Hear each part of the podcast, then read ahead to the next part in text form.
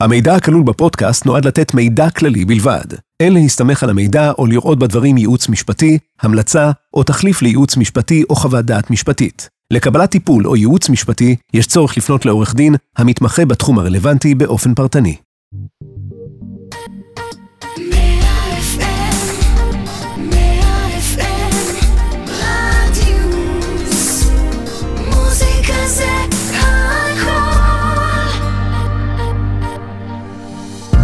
בייטל המאירי, פודקאסט על דיני משפחה, נכסים והרוקנרול שביניהם. עם עורך הדין זיו בייטל ושמאי המקרקעין גלעד המאירי.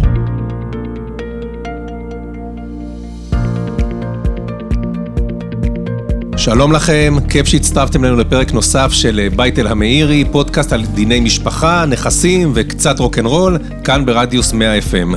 אני גלעד המאירי, כלכלן, משפטן ושמאי מקרקעין. אני עורך דין זיו בייטל, מומחה לדיני משפחה וירושה. ואנחנו כאן אה, מדי שבוע מדברים בפודקאסט על סוגיות משפטיות, שבהם בני משפחה נאלצו להתמודד עם מקרים כאלה ואחרים, שבמרכזם עמדו דילמות של רכוש ונכסים, ואיך אנחנו אומרים, כאן גם מתחיל הרוקנרול. אז בפרק הזה אנחנו נדבר הפעם, זיו, על מזונות. כן, כן. ולפני שנתחיל במקרה שלנו, אה, נזכיר לכם שאתם יכולים להזין לנו במגוון הפלטפורמות, באפליקציה, באתר, בספוטיפיי, באפל פודקאסט, בגוגל פודקאסט של רדיו 100 FM, ואנחנו מתחילים, אז אה, זיו, מה זה בעצם מזונות? את המושג כולנו מכירים ושומעים, אבל בוא נדבר רגע מקצועית. מה זה מזונות? זה אוכל, לא? בין היתר, בין היתר. אבל חוץ? תראו, המזונות אה, זה אחד הנושאים היותר אה, טעונים שיש היום ומורכבים שיש היום בענייני משפחה. צריך להבין, הסברנו את זה גם בפרקים הקודמים, שהסיבה העיקרית שאנשים מתגלגלים לבתי המשפט ובתי הדין זה בעצם, גילי מה? כסף. כסף. כסף. אז אחד הדברים שיש להם משמעויות מאוד מאוד גדולות זה נושא של מזונות, ואנחנו מדברים על מזונות ילדים בעיקר. מזונות ילדים זה בעצם אותה קצבה שילדים מקבלים מגיל 0 עד גיל 18, ואחר כך מ-18 עד סיום הצבא יש איזו חלוקה קצת יותר מופחתת של דמי מזונות, שבעצם מי שמחזיק בילדים, בין אם זה האבא, בין אם זה האימא, מקבל את המזונות מהצד השני, בדרך כלל זה האימא מקבלת מהאבא, עדיין אין חלוקה שזה הפוך. ואז בעצם יש איזו קצבה של כמה אלפי שקלים בחודש, יש לזה משמעויות, וכמובן שיש ככל שיש יותר ילדים, ככה הקצבה יותר גדולה ונוגסת, ב, ב, נקרא לזה, במשכורת של הצד השני. אז יש לזה משמעות מאוד מאוד גדולה מבחינת כמה נפסקים אה, מזונות. ופה גילי יש אה, דבר שהוא מאוד משמעותי בין אה, בית משפט לבית הדין הרבני, שיש פסיקות שהן לא ממש דומות בין אחד לשני. אני, אני זוכר שכבר דיברנו בעבר על, על הדיסוננס שקיים לנו בין בית משפט לבית דין רבני, אני זוכר הנושא של פירוק שיתוף בנכס, זה גם היה נושא שבהחלט צריך לתת עליו את הדעת, מי שלא אה, זוכר, תשמעו, יש לנו פרק שלם על הנושא של פירוק השיתוף. אבל בסדר, הבנתי, תכלס, איך מחשבים מזונות? אז קודם כל מזונות זה פרמטר של שני ממשקים. אחד זה נושא של הצרכים עצמם של הילדים, כמה הילדים צריכים לאכול וכמה הילדים צריכים, אה, בעצם זה חלוקה של שלושה רבדים, הדברים הפרונטליים, הקצבתיים אם תרצה. אחר כך יש גם את הנושא של מדור, שזה בעצם עניין של המגורים עצמם, ואחר כך גם נושא של אה, חלוקה של חינוך ורפואה, דברים שהילדים צריכים. אה, הדברים האלה הם דברים שאחר כך נמדדים ברמה הספציפית, אבל צריך להבין שמעבר לנושא של צרכים של הילדים, גם בודקים פה חוסן כלכלי. חוסן כלכלי זה פונקציה של יכולת של בן אדם, בן אדם שמשתכר 5,000 שקל, לא דומה לבן אדם שהוא אה, אה, מנכ"ל חברת הייטק גדולה, ופה יש פה פרמטר מאוד חשוב של כמה בן אדם משתכר דה פקטו, ומפה יש את הנגזרת של כמה הוא משלם. רגע, ואז אתה מדבר על משכורת ועל עבודה, מה עם נכסים שיש לו, דברים כאלה? מהכנסות מנכסים, או פשוט סתם יש לו נכסים אה, אה, אה, ששווים הרבה כסף? אתה צודק, יש אנשים שלמשל לא עובדים, יש אנשים שיש להם נכסים וכל היום רק מנהלים את הנכסים של עצמם, יש אנשים שיש להם שכירויות שהם מקבלים כל חודש, יש אנשים שיש להם המון מקומות שהם מקבלים כספים, אם זה אופציות שהם מקבלים, הדברים האלה בוודאי שנלקחים בחשבון, לא רק השתכרות דה פקטו, אלא גם דברים שמגיעים מתוך מקורות חיצוניים שכאלה. ובעצם מביאים בחשבון אז גם יכולת השתכרות, גם נכסים, ולוקחים בחשבון את ההבדל בין נגיד נכסים מניבים שהם מניבים הכנסה שוטפת לנכסים שהם פשוט נכסים הוניים. זאת אומרת, כי אם אתה בא ואומר שאתה רוצה לבדוק יכולת אה, תשלום, אז קצת בעיה להתייחס לנכסים הוניים. אם אתה אומר, אני רוצה לבדוק סוג של חוסן כלכלי, זה כבר סיפור אחר. יכול להיות מישהו שיש לו נכסים ב-100 מיליון שקלים, קרקעות שיושבות ומחכות ליום שיהיה להם תשואה, וכרגע אין לו הכנסות ועדיין יש לו חתיכת חוסן כלכלי. אז מה, מה, מה בעצם מסתכלים? גם וגם? אני אשאל אותך גלעד, אם אתה למשל היום מחזיק, אתה הרי שמאי אה, אה, ידוע, אם אתה למשל היום מחזיק בנכס מסוים, אבל למשל מגרש, מגרש אתה לא יכול בהכרח לראות משהו שהוא שווה כסף, נכון? יכול להיות שזה שווה בעתיד לבוא, יכול להיות שמחר אה, יחליטו שעושים על זה אה, פתאום תוכנית בנייה ויהיה לך שם אה, אה, בניין שלם, אבל כשמנסים לפרק את, ה, את הנושא הזה של כמה לשלם כל חודש, צריך להבין שזה צריך להגיע מאיזשהו מקור מסוים. נכון שהפסיקה של בתי המשפט מתחשבת גם בנכסים שהם אינם נזילים, שאין ממש אה, כסף שיוצא מזה כל חודש, אבל כן מסתכלים בן אדם שהוא טייקון נדל"ן נקרא לזה לצורך העניין, כן יראו אותו כאיזשהו מישהו שיכול לשלם אפילו מנכסיו גלעד, ממש לבוא ולהגיד, יש לך נכסים במיליונים או בעשרות מיליונים, לא יכול להיות שתשלם 1,500 שקל לילדים שלך, צריך לקחת בחשבון. לפעמים גם במקרים מסוימים אומרים לך, תשמע, עם כל הכבוד, תמכור את אחד הנכסים שלך. תשנה את ההרכב של, של ההשקעות שלך למעשה. נכון, נכון. בוא, בוא תשנה אותם. אה, אה, אנחנו מביאים בחשבון גם נכסים נניח שמישהו הביא מחוץ לנישואים, נגיד אם יש איזשהו אה, אה, אה, הסכם ממון מראש. אז, אנחנו, אז אני, כמו שאני יודע, בתור מי שלא מתעסק בנושא הספציפי, אז אם יש לי הסכם ממון, זה משהו שלא נכנס אחר כך לחלוקת רכוש, אבל על גובה התשלומים השוטפים זה כן משפיע באיזושהי אינדיקציה של חוסן כלכלי? שאלה מצוינת, כי נכון שבאמת בהסכמי ממון אנחנו מפטרים החוצה. אגב, יש איזושהי אה, טעות אה, נפוצה שאומרת שהסכם ממון יכול גם להיכנס לכל מיני אה, עניינים של מזונות. צריך להבין שמזונות לא תובע הבעל או האישה, מזונות טובים הילדים. נכון שהם משתמשים כהורה שתובע בשמם, אבל אתה לא יכול להסכים. אני למשל עושה הסכם ממון וכותב שהמזונות יהיו X, זה לא קובע לכלום. אנחנו רואים תמיד טעויות של אנשים, טעויות נפוצות שרושמים שם סכומים, ואחר כך זה נפתח מחדש בבתי המשפט. אף אחד לא מתייחס לדבר הזה.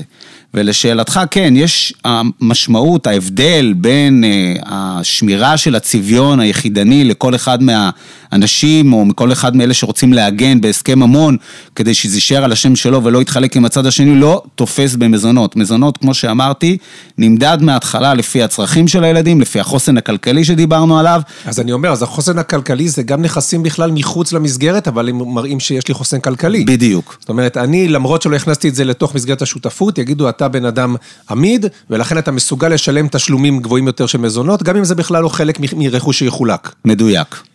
עכשיו, אם אני מבין את מה שאתה אומר, אז למעשה גם יש אה, עניין מאוד קריטי להערכת שווי של נכסים כאלה. כי אנחנו רוצים אלף כמובן לבחון את החוסן הכלכלי, ואין דינו שנכס שווה חמישה מיליון, נכס שווה עשרים מיליון, אבל אה, אני חושב שגם עוד פעם, א', כמו שאמרנו, יש עניין של נכסים מניבים או לא מניבים, ואני מניח שכאן יש באמת השפעה, כי זה כבר עניין של, של אופן התשלום.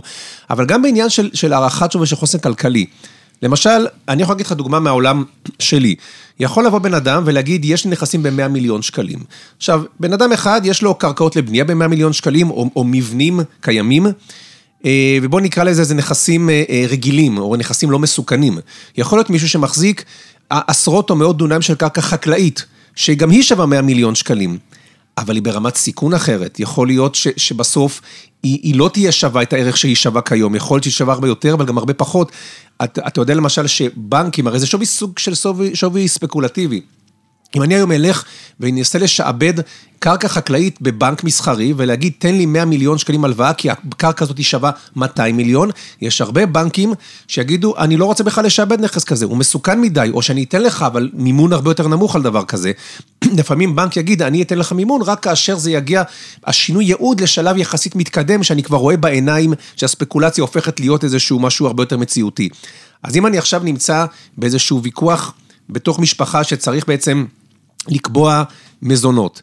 ובא הצד השני ואומר, תקשיב, יש לו נכסים ב-100 מיליון שקלים, השאלה גם איזה נכסים, איזה הרכב נכסים, נכון? נכון.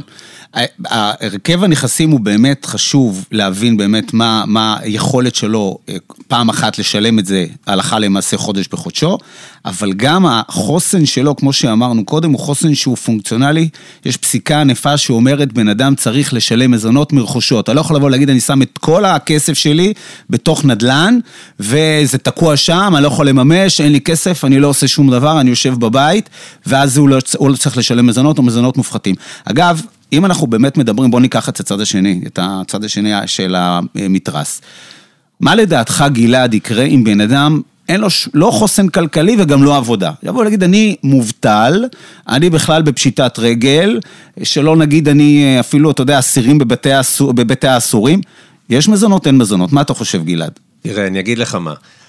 כמו שאני יודע עד היום, הגבר תמיד היה בבעיה, לא משנה, אין לך, יש לך, אתה, ת, ת, תשלם. המסתכלות הייתה מאוד פטריארכלית, אבל את הרמת להנחתה, ואני יודע מה שמאזינים לא יודעים, יש כבר מהפכה בדברים האלה, זה קצת נראה אחרת היום, ואני אשמח אם תסביר לכולם את מה שגם הסברת לי לפני השידור. נכון, אז קודם כל, אז אם אני צריך באמת לענות תשובה ישירה, אז התשובה היא חד משמעית כן. אתה יודע, לפעמים אנחנו מגיעים לבתי משפט ואנחנו רואים כל מיני אה, אה, אבות שבאים ובאמת בוכים, אמיתי, אין לי כסף לשלם, אני לא מחזיק את החודש, אני, אני עם חובות מפה ועד אמריקה. אז אה, אותו שופט, שופטת, באים ומסתמפתים מעט ואומרים, עם כל הכבוד, אנחנו מגינים על הילדים, לך תעבוד בעבודה שנייה, שלישית, וזה לפעמים נשמע אה, אה, כאיזושהי בדיחה עצובה, אבל אין מה לעשות.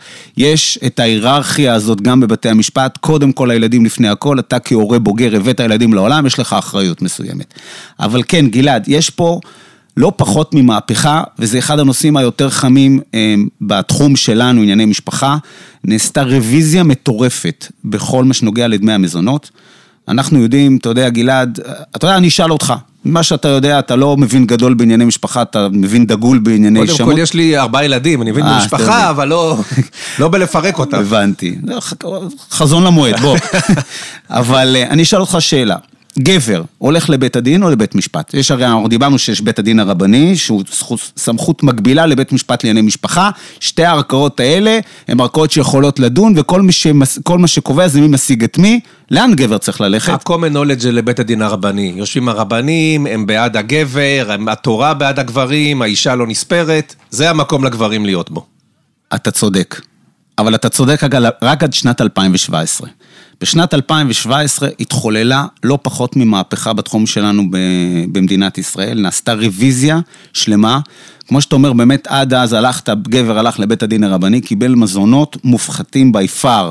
ממה שהאישה אה, הייתה יכולה לקבל, למשל בבית משפט לענייני משפחה, זה מדובר לפעמים במאות אם לא באלפים של שקלים, בטח במצטבר, אנחנו צריכים להבין שאנחנו מדברים לא רק על חודש-חודשיים, תעשה את המתמטיקה, מה קורה עד גיל 18, אנחנו מדברים פה בעשרות, בעשרות אלפי שקלים, אה, אם לא יותר מזה, אם יש יותר ילדים זה גם יכול להגיע למאות אלפי שקלים, אבל כמו שאמרתי, בשנת 2017 התחוללה מהפכה. בית המשפט העליון פסק באופן תקדימי לגבי מצב שבו יש משמורת משותפת, והנה אנחנו נוגעים במשהו שהוא קצת ש, אה, ש, אה, לא רלוונטי אולי, אבל רלוונטי מאוד לנושא של השיחה שלנו, משמורת. משמורת אנחנו מבינים שזה משהו שהוא פונקציונלי לאיפה הילדים נמצאים. אז גם פה אגב, אם אנחנו פותחים סוגריים, הייתה רוויזיה מאוד גדולה, פעם הייתה אוטומטיזציה של משמורת דווקא אצל הנשים, דווקא אצל האימהות, הגבר היה צריך ממש ממש להתאמץ כדי להוכיח שהוא אבא ראוי, היום התהפכו היוצרות, לא התהפכו כמו שהיום. הגבר שם- החדש, הגבר הגבר החדש. החדש, המהפכה החדשה ההפוכה, היום למעשה אנחנו נמצאים בסיטואציה שבהם הגברים מקבלים, האבות מקבלים משמורת משותפת עם אנשים, אומרים האבא לא פחות טוב מהאימא. וזה התחבר מאוד יפה לרוויזיה שנעשתה גם בדיני המזונות. בא בית המשפט העליון בשנת 2017 בפסק דין מהפכני, ואמר את הדבר הבא, בהינתן ואנחנו מדברים על ילדים מעל גיל 6, במשמורת משותפת, כשאני מדבר על משמורת משותפת אנחנו מדברים בהכרח על חלוקת זמנים שוויונית, ועל השתכרות שהיא סימילרית בין הבעל לאישה, גלעד, כמה אתה חושב שב- שבעל צריך לשלם בבית משפט? שזה חצי חצי חצי- המשמורת? כן. טוב, זה די obvious, נראה לי חצי חצי. חצי חצי, אפס שלם, אפס, לא, אפס. הבנ- לא צריך לשלם. לא הבנתי אותך עכשיו. אתה אומר, אנחנו מחזיקים חצי חצי את הילדים, כן. ו- והבעל בעצם לא צריך לשלם כלום. כלום. לא חצי, כלום, כלום. לא משלם כלום, הוא מחזיק, תחשוב על ההיגיון, בעצם אתה אומר, הם, הם נוסעים ביחד בנטל. נכון. זאת אומרת, אף אחד לא משלם לאף אחד. נכון אתם. חצי, אתה תיתן את החצי שבוע שלך, או לא משנה איך זה מוגדר, ואת תתני את החצי שלך, ואף אחד לא משלם לאף אחד כלום. נכון. עכשיו תחשוב, אם אתה באמת חושב על זה אמ- אמיתי, יש בזה הרבה היגיון, כי על פניו מסתכלים אותו דבר. ילדים שהם כבר, מה שנקרא, לא בחזקת קטני קטנים, אלא קצת יותר גדולים. והחלוקה היא שוויונית, למה שלא? אתה יכול לשאול אותי למה זה רק ב-2017 ולא, ולא הרבה קודם, אבל כן, מישהו התעורר, ובאמת המהפכה הזאת גרמה לאיזושהי מערכת מאוד מאוד אה, משמעותית, ולמה שדיברנו קודם, אתה פתאום מתחיל לראות נשים פונות לאן, לפי המתמטיקה החדשה, לבית הדין הרבני. כי בית הדין הרבני, בפוליטיקה של היום, תמיד רוצה לבדל את עצמו, הרי, מבית משפט. אתה יודע, באיזשהו מקום תמיד אני מסתכל על הדברים האלה, כאילו שניהם מתחרים על, אותו, על, על אותם אותו קהל, אותו אותו קהל. קהל. אותו קהל, כמה אנשים באים לבתי המשפט, כמה זה מצחיק, כמה אנשים באים לבתי, לבתי הדין הרבניים. אז כן, היום אתה רואה נשים פותחות תיקים דווקא בבית הדין הרבניים, ודווקא הולכות לשם, כי בבית הדין הרבני, בניגוד למה שבית המשפט העליון, הם החליטו שהם לא כפופים לבית המשפט העליון. והם בעצם ממשיכים, גם בעידן של היום, להמשיך לפסוק מזונות, גם אם אנחנו מדברים על מזונות, אה, גם אם אנחנו מדברים על משמורת משותפת וחלוקת זמנים שוויונית, והדברים האלה מאוד מאוד דיפרנציאליים בין שתי הערכאות האלה, וזה ממשיך את הכאוס שקיים ממילא בין שתי הערכאות האלה, שיש ביניהם פסיק, פס, פס, פסקי דין שהם בעצם שונים. אז, אז אני רגע רוצה לחדד את זה כאן. אז עכשיו מצד האישה, יש כמו תמיד שני מסלולים. אם היא הולכת לבית הדין לענייני משפחה, במצב של משמורת משותפת, היא בעצם נדפקת. אומרים לה, בסדר, זו משמורת משותפת, כל אחד יחלוק בהוצאות. אם היא הולכת לבית הדין הרבני, עדיין, גם משמורת משותפת, יגידו לה, את עדיין אישה, את הצד החלש במשוואה הזאת, הגבר הוא המפרנס, והוא יצטרך לתת לך מזונות, אה, אה, אפילו שהמשמורת היא משותפת. נכון. צודק? אבל רגע, אני רוצה עדיין עוד משהו להבין. משמורת משותפת, הבנו. אבל הם לא בהכרח שווי אה, אה, כוחות כלכליים. אנחנו היום בעידן מודרני, הגבר המודרני, הוא בבית מבשל, האישה היא בכלל אה, מנכ"לית של חברת הייטק. מי, נושאים עדיין חצי חצי בדברים? אין איזשהו איזון בין הדברים האלה? שאלה מצוינת. אנחנו למעשה, היום יש איזו תחרות, אחרי שבית המשפט העליון נתן את הפסק דין המהולל שלו, ואני לא אומר את זה במליצה, אז בתי המשפט לענייני משפחה עושים ביניהם סוג של תחרות אחד עם השני, מי יותר מרחיב את היריעה של אותו פסק דין. אז אם באמת פעם, אם אנחנו מדברים על מה שנקרא כללי אצבע, שלושת כללי האצבע שמניתי קודם, שזה אה, אה, חלוקת זמנים שוויונית ומשכורת שוויונית וילדים מעל גיל 6, היום אתה רואה את בתי המשפט לענייני משפחה קצת מרחיבים את היריעה ומגיעים ממש לתחשיבים מתמטיים, אמנם יגידו לך זה לא 0-0, או כל אחד נושא במזונותיו הוא, אבל גם מישהו שהוא מתפרנס הרבה יותר, מ, לצורך העניין לא ניכנס למגדריות, אבל נניח שהאבא מתפרנס יותר מהאישה, עדיין רוב ההסתכלות של בתי המשפט לענייני משפחה זה על החלוקת זמנים. פחות על ה... זה נקרא הכנסה פנויה שיש להם, כי הרי כל אחד צריך לשאת בהוצאותיו, יש איזה ממש תחשיב של כמה יש הכנסה פנויה לכל אחד, אבל עדיין רוב המשקל נופל על החלוקת זמנים שוויונית. אם המקרה הזה מתקיים של חלוקת זמנים, אזי היכולת ההשתכרותית היא קצת פחות חשובה. יש, אז הוא לא ייסע באפס, הוא יכול לשאת בכמה מאות שקלים בחודש, עדיין זה דרמטי מול למול מה שהיה בעבר, ואנחנו נמצאים, כמו שאמרתי, בעידן שכל הזמן מתפתח, אנחנו כל היום רואים חדשות לבקרים, עוד פסקי דין שעוד עוד נותנים חדשנויות, הדברים רק, רק בתחילת העניין. רגע, אז אני אומר, אז, אז אם ככה, כשהמשמורת היא משותפת, באמת זה נניח חצי-חצי בזמנים, אז פחות קריטי למי יש יותר כסף ולמי יש יותר הכנסה פנויה. ואם אנחנו חוזרים רגע למודל הישן, שאנחנו רואים, המשמורת היא לא משותפת, אבל אנחנו עדיין כבר נמצאים באיזושהי ראייה מודרנית שבאה ואומרת, אבל האישה כאן מרוויחה הרבה יותר מהגבר. איך הולך אז המזונות? תראה, פה, פה, זה בדיוק, פה זה בדיוק נופל על מה שאמרתי קודם, כי עדיין אתה לא ממש רואה, אם אנחנו מדברים על, נקרא לזה משמורת אה, יחידנית, עדיין בזמני שהות שהם... פעם קראו לזה הסדרי ראייה, היום כבר זה גם זה כבר לא, אנחנו במהפכות מהפכות כל היום, אז אה, גם טרמינולוגית אנחנו משתנים. אבל אה, אם אנחנו באמת מדברים על זמני שהות שהם לא שוויוניים, אנחנו עדיין יושבים על מזונות שהם אה, רגילים לצורך העניין במרכאות. אבל גם היום אתה מתחיל לראות את הזרזיפים של הפסקי דין שמתחשבים גם בזה ומפחיתים באופן משמעותי מזונות לאישה למשל שהיא מאוד, שהיא קרייריסטית ומשתכרת מאוד יפה, למרות מרוויחה יותר מהבעל או מהאיש, עדיין מסתכלים על זה שהיא מחזיקה ברוב נטל הגידול של הילדים. ומה לגבי נכסים שלה, או שלא? זאת אומרת, אתה אומר, מסתכלים מה היא מרוויחה. דיברנו קודם בהתחלה על הנושא של, של בכלל של, של אה, חוסן כלכלי. אז עכשיו אני אומר, בהקשר הזה של, של הקביעת מזונות, כאשר אנחנו מדברים על, על איזושהי חלוקה, ההכנסה מעבודה זה דבר אחד, ואם יש לה או לא הכנסה מנכסים, זה משנה לנו משהו? אז קודם כל, אם זה לא, אז כן, כי כמובן, אם לבעל, לאבא, יש נכסים, אז אמרנו שזה נלקח בחשבון כחלק מהעניין, נכון, אבל, נכון. אבל עדיין צריך להסתכל, כי הרוב המשקל הוא באמת על הכנסה פנויה למול הוצאות, אם אנחנו מדברים בעניין של אה, אה, חלוקת זמנים שוויונית לפי אותו פסק דין, אגב, קוראים לזה בע"מ 919, אתה תגיד, תיכנס למשרד עורכי דין, בע"מ 919, אנשים הבינו על מה מדובר, זה שם עתיק ש, שבית המשפט העליון פסק, זה שם קוד כזה, אבל עדיין, אה, ההסתכלות היא יותר על ההכנסה פרופר, אבל אתה יודע מה, גלעד, דווקא בעניין הזה הייתי רוצה להגיד איזשהו עוד משהו שהוא עדיין לא מספיק מהפכה בעיניי. כי אנחנו כן יודעים להגיד, הרבה פעמים אה, אבות באים אליי ושואלים לי, תגיד לי, אבל רגע, מה עם מזונות הפוכים? מה קורה אם אני מחזיק הפוך? אני נמצא עם הילדים, אני נמצא ההורה משמורן, אני רוצה, האם יש מזונות הפוכים? פה המהפכה לא תמה. נכון שיש איזושהי חלוקה באיזה נדבך מסוים בתוך הנושא של המזונות, שזה יותר פונקציונלי לחינוך ורפואה, שם משתתפים ממילא ההורים, אבל אתה לא כל כך יכול לראות מקום שבו בית המשפט פוסק, או בית הדין לצורך העניין, האישה צריכה לשלם מזונות הקצבתיים שאמרנו קודם לאבא, פה עוד אנחנו צריכים לעשות עבודה.